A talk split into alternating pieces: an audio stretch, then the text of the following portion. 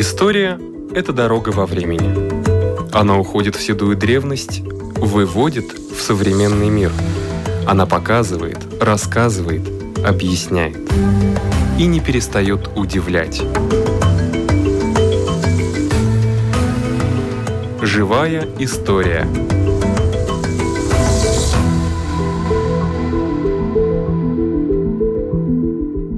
У микрофона Лидия Чера.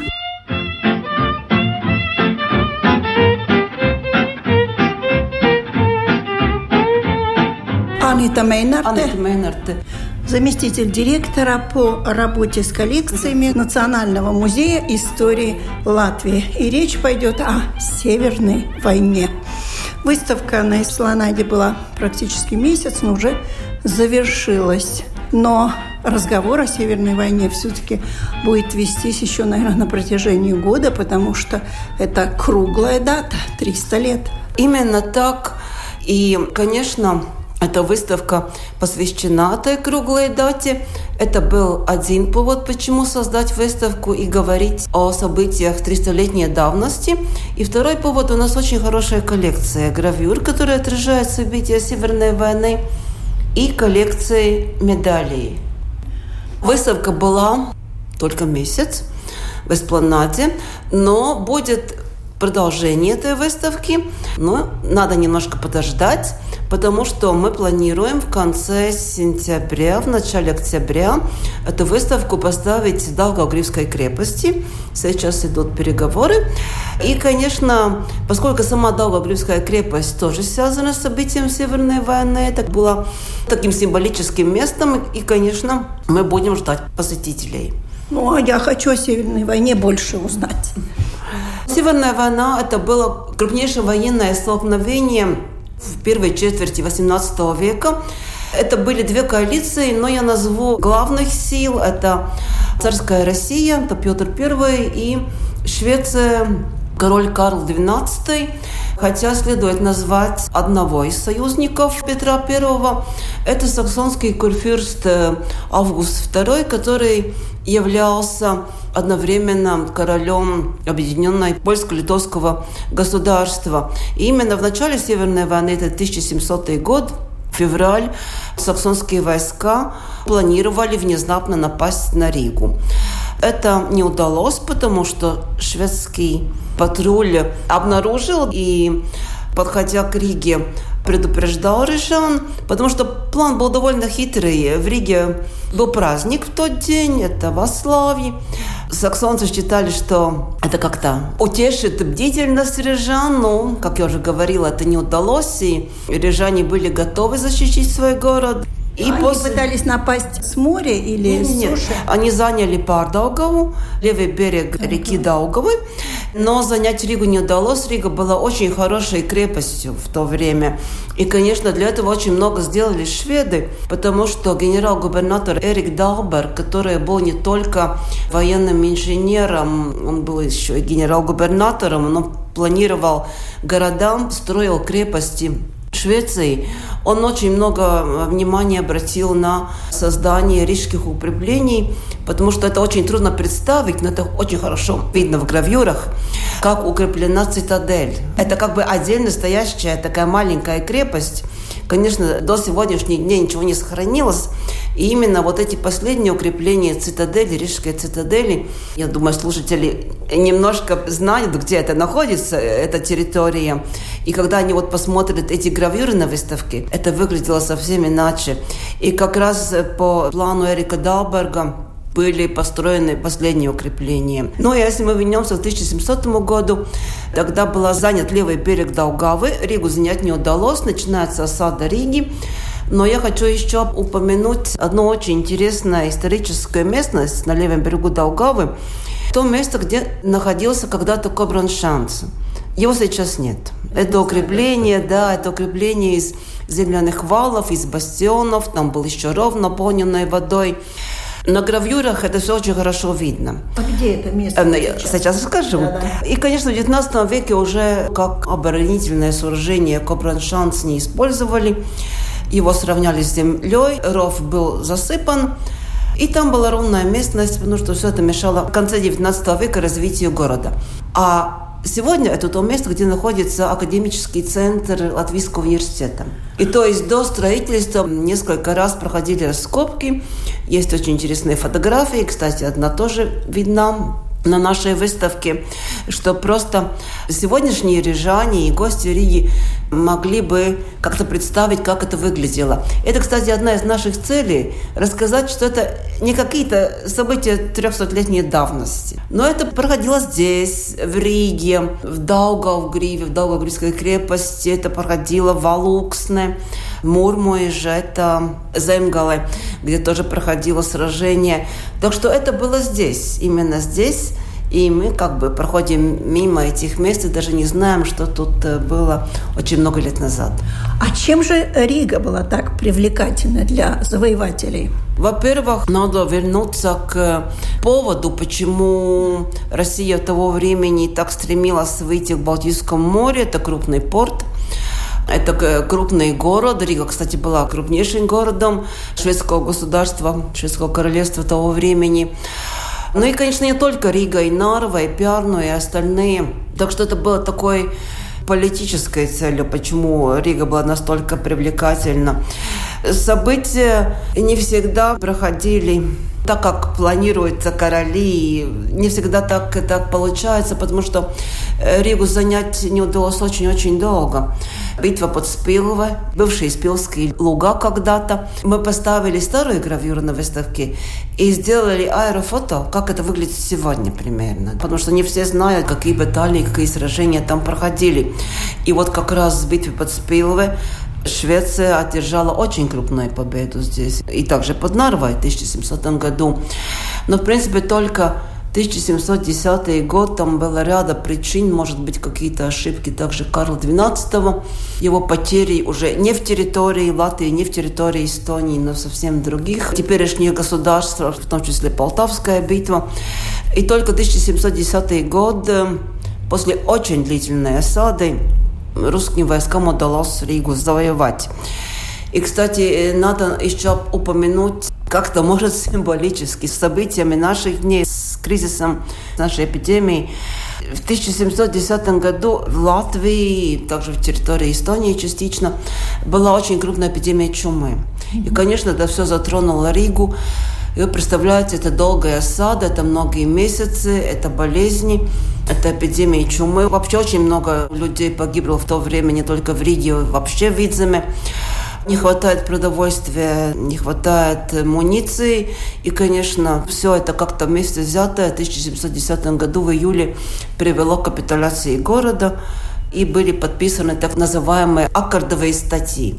То есть это как бы договор, Лифлянское рыцарство капитулирует перед царскими властями. Ну, Петр I всегда хотел, проснувшись, смотреть в окно и видеть порт. Это, наверное, такое литературное сравнение может быть, но действительно до начала 18 века Балтийское море как бы являлся внутренним озером шведского королевства. И, конечно, после Северной войны это не так. Но в аккордных статьях Ливлянское рыцарство добилось очень много преимуществ, потому что здесь сохранялось лютеранское вероисповедание, а также сохранялся тот устав школ, тоже да. лютеранские пастыри много заведовали этими школами, также немецкий язык вообще в делопроизводстве, оставался. Оставался. Также очень много привилегий в торговле. Так что для ливлянского рыцарства, для помещиков, кстати, помещикам возвращались имения, которые были редуцированы шведским правительством, потому что если помещик не мог доказать, что у него какие-то издавна давные права на эти имения, это редуцировалось, то есть попадало правление шведского королевства. Это все возвращалось. Так что действительно очень много привилегий сохранялось для ливлянского рыцарства. Такой мир даже не назовешь позорным. Ну, с одной стороны, да, конечно, последствия были очень длительные последствия. То есть Северная война имела очень длительные последствия, потому что окончательно, конечно, все это формулировалось нештатским миром, который был заключен в 1721 году. Но практически в 1710 году для Латвии, для Эстонии практически никаких военных событий уже не было. Но потом, конечно, следовало отделение Польши, потом и политические трудности в Кулянско-Замкальском герцогстве, конечно, в течение 18 века. Нынешняя территория Латвии попадает в Российскую империю, но все равно практически до Первой мировой войны, даже вернее до 1917 года, когда была разрушена Российская империя, то есть был свергнут царь, практически эти привилегии сохранялись. Конечно, были попытки с имперских властей это как-то все снять. Это конец 19 века, это была проведена политика русификации, там как-то немножко упразднить эти права лифлянского рыцарства и помещиков. Но все равно практически все правители, уже потом уже Российской империи, соблюдали эти аккордовые статьи, о чем было написано в 1710 году. А что касается этих гравюр, это работы какого века и каких художников? Да, это интересная история, потому что в Риге повезло. Автор рисунков для гравюр, а сами гравюры были как бы иллюстрациями жизни описания Карла XII, которое сочинил Самуэл Фабер в нескольких изданиях. Это жизнеописание было напечатано в начале XVIII века. Автором его Йохан Литтен. Он швед, он рисовальщик, но он был также и военным инженером. И он сотрудничал очень много с Эриком Далбергом, известный мастер фортификации, строитель оборонительных сооружений, строителей крепостей. И, кстати, Эрик Далберг стал буквально накануне Северной войны генерал-губернатором Риги. И вот Йохан Литтен должен был сопроводить Эрика Далберга в Ригу. Он же здесь обосновался и жил до 1705 года, и потом он вернулся в Швецию. Но он был очевидцем этих событий. Он создал прекрасные рисунки. Мы видим, как выглядела Рига в начале XVIII века, как проходило сражение под Спиловой, как проходили сражения под Даугаугривой. Также он рисовал эм, события под Нарвой. И вот таким образом мы получили очень хорошую визуальную документацию Северной войны. Но, конечно, жалко, что он покинул Ригу в 1705 году. У нас нет таких очень интересных и подробных визуальных гравюр о 1710 году. Но есть, правда, в Марсовой книге изображение сада Риги есть, есть план этой сады в архиве. Но, конечно, эти гравюры действительно... И, кстати, считаю, что они довольно топографически точны. Хотя, конечно, надо сравнивать сравнивать с документами, с другими планами. Но, тем не менее, считаю, что не топографически он очень хорошо это все, все подробно написал. И это очень интересный визуальный материал. А сколько таких гравюр и хорошо ли они не сохранились? Что касается событий территории Латвии и в Эстонии, то есть у нас есть изображение битвы под Нарвой в 1700-1705 году, ну, порядком где-то 12. Большие, крупные? Э, разного размера. Есть где-то 15 на 20 сантиметров. Да. Есть побольше, 25 на 35 примерно. Да. Самые крупные. Сохранились это хорошо, потому что они хранятся в музее. У нас не совсем полная коллекция этих гравюр, но все-таки очень такая обширная, самая такая обширная коллекция хранится в Национальной библиотеке. Мы, кстати, использовали две гравюры с этой коллекции, которых у нас нет, но в музее они сохранились очень хорошо, и э, сохранились благодаря также трудом реставраторов. Да, это а, тоже надо сказать. Э, да, они реставрированы. Но у нас еще есть очень интересный материал. Это медали. Ну, это боевые медали? Э, это не боевые медали, это скорее такие, ну, как дипломатические, потому что каждый государь, каждый правитель считал обязанным чеканить медали, чтобы прославить свое государство, ну, и, конечно, самих себя. И эти медали отсылали другие государства, дарили как дипломатические или памятные подарки. И такие медали чеканились и в Швеции, и чеканились в России. И у нас есть прекрасные серии медалей, которые посвящены Северной войне. И, кстати, их тоже можно было посмотреть. И еще мы посмотрим, еще посмотрим в Даугавгриве на этой выставке. Следите за нашим сайтом Национального музея истории. Мы будем и, и давать объявления в радио. Конечно, будем приглашать на эту выставку. И, кстати, в Фейсбуке тоже есть такие очень короткие публикации, посвященные отдельным событиям. Но мало еще мы знаем о эпидемии чумы, насколько пострадали люди. Мой коллега сделал карту и отметил хутора и дал очень хорошую статистику, сколько вообще людей умерло в эпидемии, сколько стало живых. Были хутора, которые полностью вымерли. вымерли. Да, людей практически нет. Где-то в латвийской части или Финляндии, то есть Видземе, то, что мы сейчас подразумеваем под Видземе в Латвии, где-то порядком до 80% жителей. Это вообще огромные потери. Но это уже другая история. Но она связана с Северной войной, потому что 1710 годы это практически, да, недаром сохранилась в памяти народа разные легенды, кладбище чумы или такие сказания народные. Это все сохранилось многие столетия. И очень много, конечно, надо было приложить усилий, во-первых, чтобы восстановить хутора, потому что очень много шереметьевские войска опустошили, особенно в Видземе. И, конечно, это потери людей, э, потому что многие хутора практически пусты. Вот как говорилось в то время, в Видземе уже нечего опустошать. Как Шереметьев докладывал Петру Первому, нечего разрушать, нечего опустошать, все же пусто. Грустно, да. Ну, ну, грустно нет, нет, но, но, конечно, были люди, которые пережили эту страшную болезнь или как-то, может быть, скрывались в лесах, потому что против чумы никаких не лекарств, тем более вакцины, тоже вообще современный термин, ничего такого не было. Так что я думаю, выставка интересна с очень многих аспектов, потому что мы, кстати, рассказываем, ну вот, например, не все знают, что театр оперы и балета построен на месте бывшего бастиона, потому что mm-hmm середине XIX века эти бастионы были разрушены. Одного из бастионов сейчас э, мы видим театр оперы и балета. И мы просто рассказываем о очень многих местах в Риге, где мы можем проследить и события Северной войны, и ну, вообще истории Риги. Так что надо смотреть с открытыми глазами вообще и не думать, что это что-то очень давно. Меня это не касается это может не интересно, это очень интересно. Но еще одно. Мы все знаем э, Дырновиел. Но почему такое название? Потому Конечно. что в конце 17 века там были мельницы. Это, кстати, то, что очень хорошо видно на, на гравюре Йоганна Литтена, что там, где трасса современной улицы Тырнау, там стоит порядка 2-4 мельницы.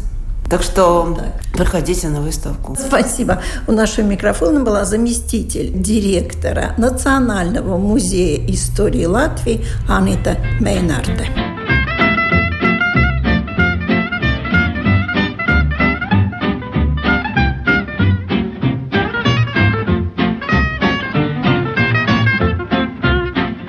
Художники – это все-таки волшебники – потому что им подвластно время.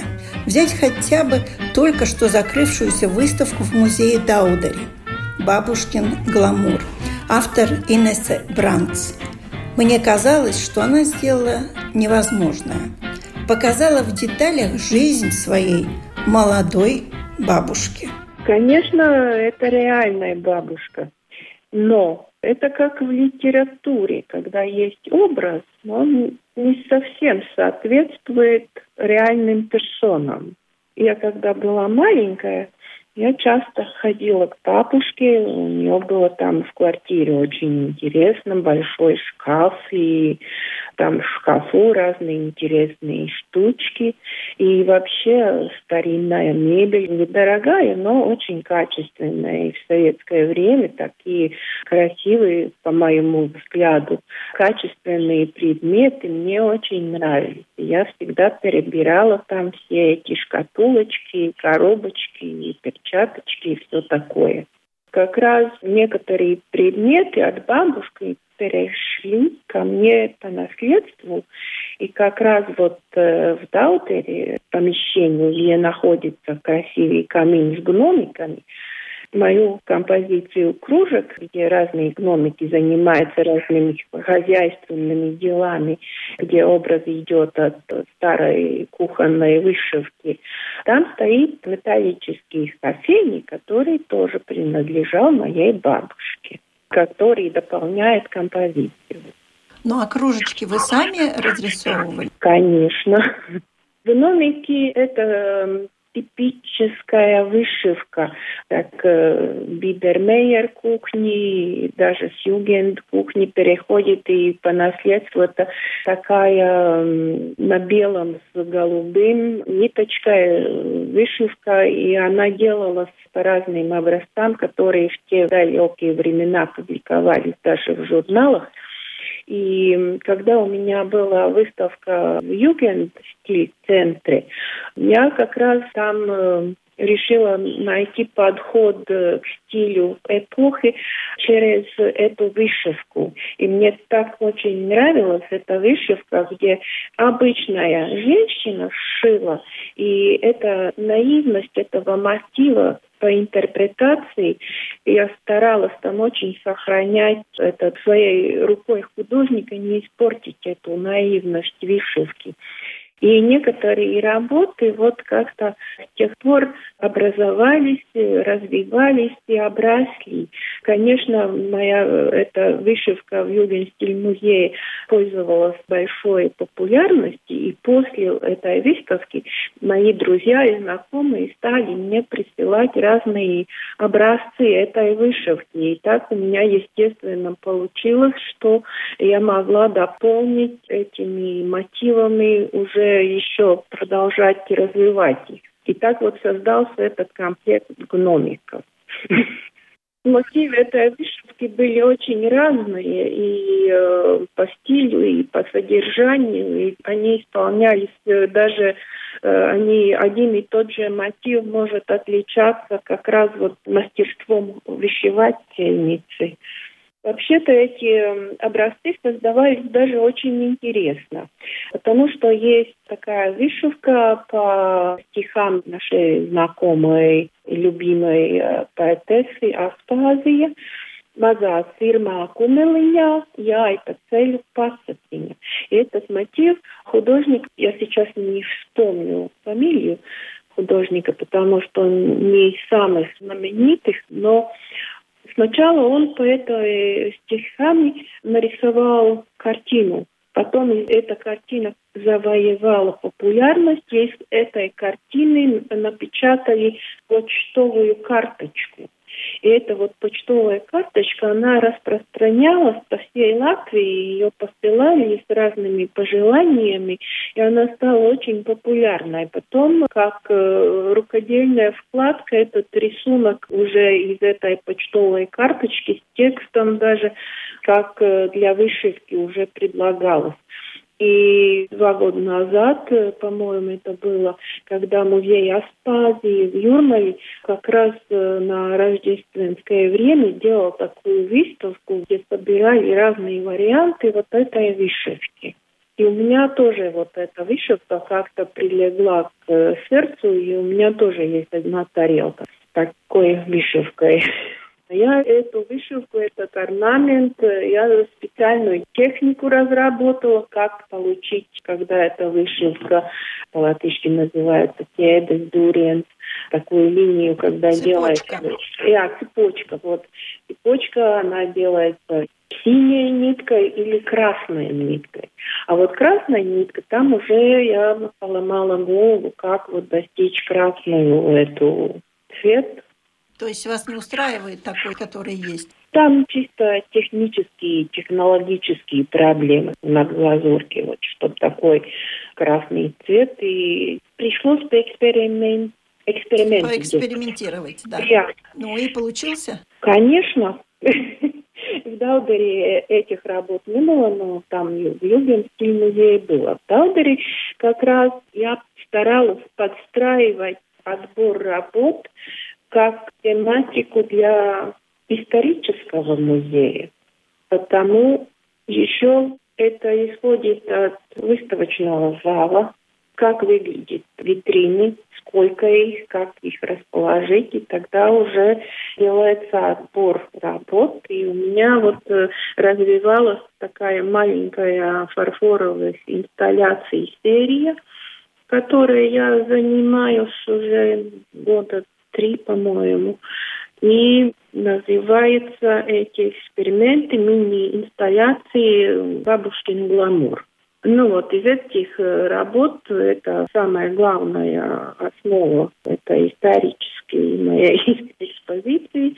И я там играю с материалом, вышиваю решете салфетки, делаю такие на старину похожие вазочки, фигурки раскрашиваю, как-то собираю разные предметы и делаю такую на комоде или на секретаре где-то может стоять такая композиция у кого-то. Ну, там немножко тоже и модерн, и как-то подборка, и немножко с юмором, и иронией собранные, или даже, может, какая-то трагическая нота, потому что я в этих композициях внедряю еще кроме моих сделанных и обкрашенных предметов фарфоровых, внедряю небольшие настоящие железные или стекольные предметы, которые помогают мне дать этой мини-инсталляции такой э, образ более полный.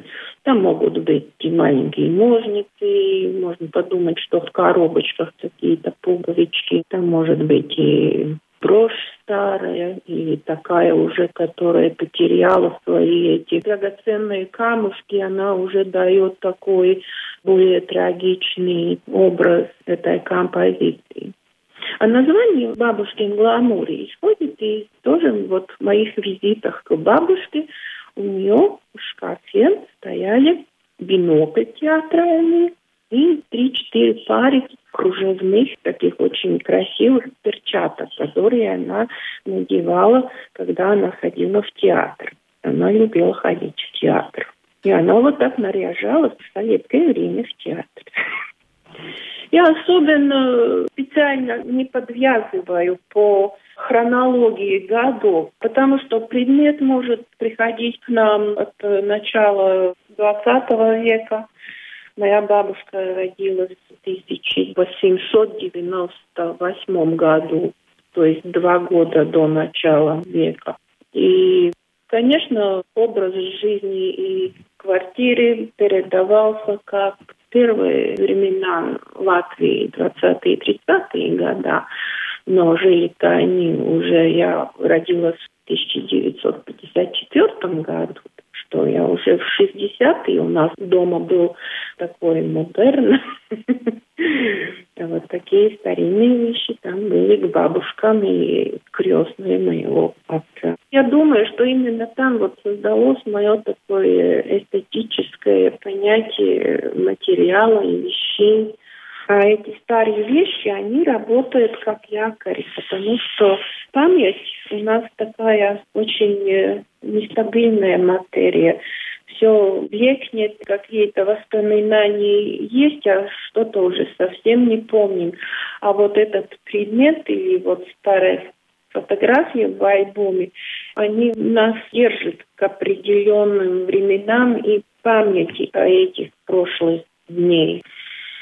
Так что такие предметы, которые переходят к нам по наследству, они могут быть э, совсем обычные, не иметь большую искусственную ценность, но они имеют огромнейшую сентиментальную ценность, потому что они помогают нам сохранить память о ушедших э, людей. Я там дразнюсь, я делаю всякие поделки, которые э, похожи.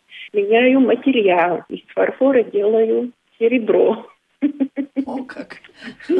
Да, потому что эта выставка из-за ковида, она должна была состояться в мае потому что моя студия находится здесь, в Саркандаугаве, Бērnu un jauniešu центр Лаймите, и меня как районного художника пригласили делать там выставку, и задумано было, что придет э, мои коллеги по работе, мои ученики, их родители, увидеть, что делает учительница в свободное время.